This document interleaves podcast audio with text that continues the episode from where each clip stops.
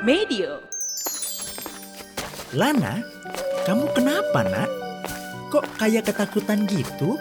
Lana pun ragu-ragu menjelaskan. Hmm, itu bu, ada yang aneh sama bulan. Mendengar omongan Lana, ibu ikut melihat ke langit untuk memastikan. Dan tidak terjadi apa-apa sobat video. Lana pun membuka mulutnya lagi.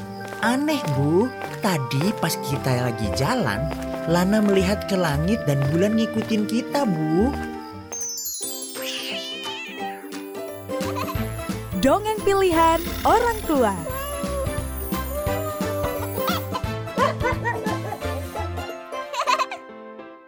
Kabar gembira untuk teman-teman semua. Saat ini kami juga hadir di platform Noise dengan dongeng-dongeng pilihan yang gak kalah seru. Jangan lupa ikuti dan dengarkan ya. Halo Sobat Medio, kali ini bersama aku, Dava. Aku akan menceritakan satu pengalaman yang mungkin pernah teman-teman alami. Tapi sebelumnya aku mau nanya, Sobat Medio pernah nggak sih melihat bulan mengikuti kalian saat sedang berjalan, bergerak, atau berada di kendaraan? Satu teman kita bernama Lana punya cerita menarik soal kejadian ini teman-teman. Jadi, begini ceritanya. Di malam hari yang cerah, Lana sedang berada di dapur. Kelinci putih ini sedang menunggu ibunya yang sedang membuat sayur sup.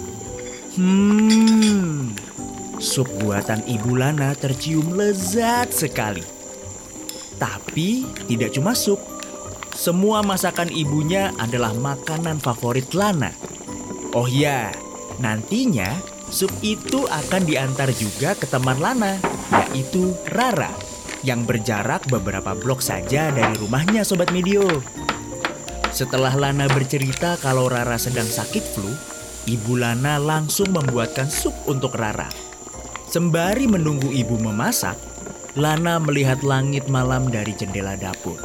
Akhir-akhir ini, Lana senang sekali mempelajari alam semesta, terutama benda-benda yang ada di langit, seperti planet dan satelit.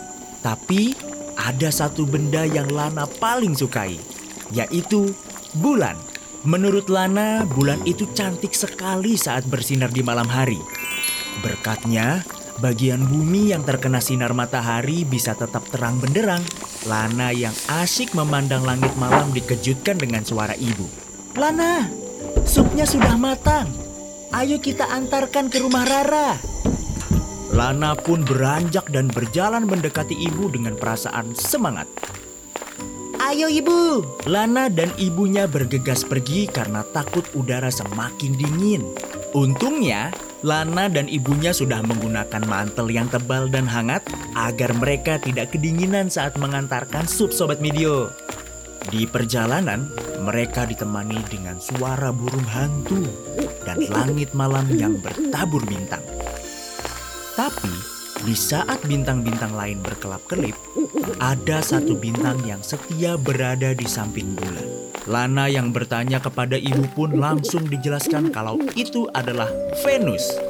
Ibu Lana bilang kalau Venus adalah planet kedua dalam tata surya kita.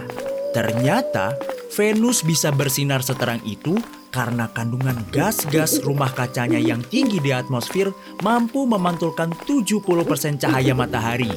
Wah wah wah. Lana yang mendengarnya takjub sekali. Tapi setelah mendengar hal itu, Lana justru jadi ketakutan Sobat Medio. Saat berjalan dan menatap langit, perasaan Lana jadi berubah gelisah dan ingin buru-buru pulang.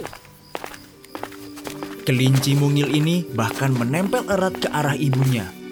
Akhirnya, mereka sampai di rumah Rara. Melihat sup buatan ibu Lana, Rara senang sekali dan tak lupa mengucapkan terima kasih.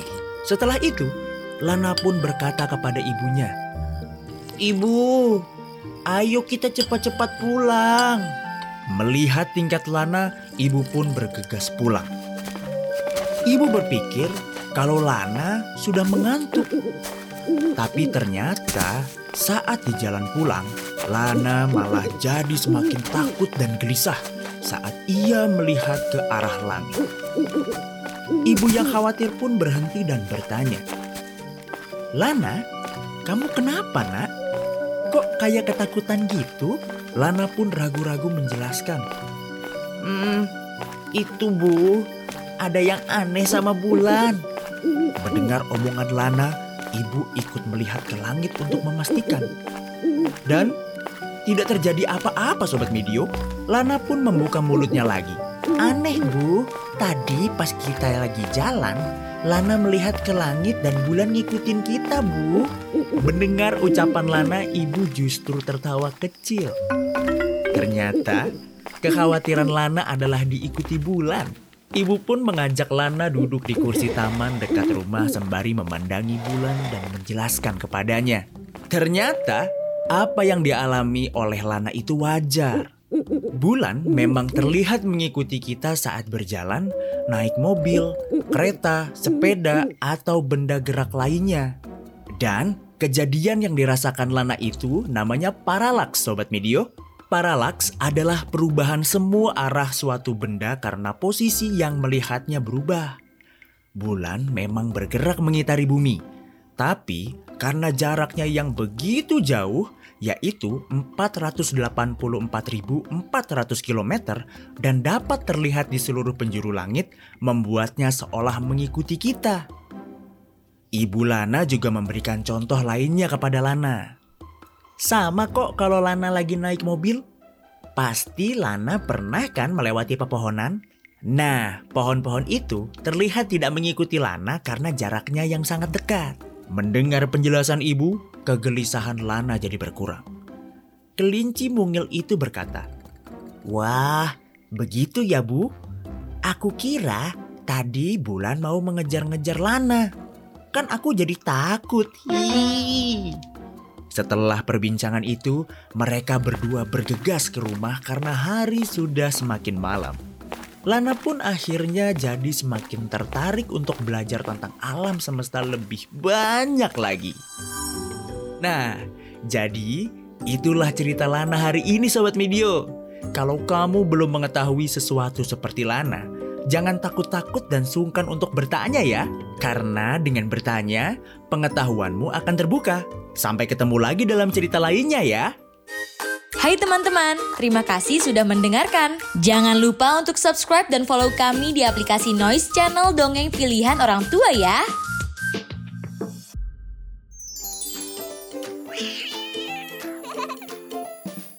Hai teman-teman, terima kasih sudah mendengarkan dongeng pilihan orang tua. Sampai berjumpa di dongeng berikutnya ya teman-teman. Dadah!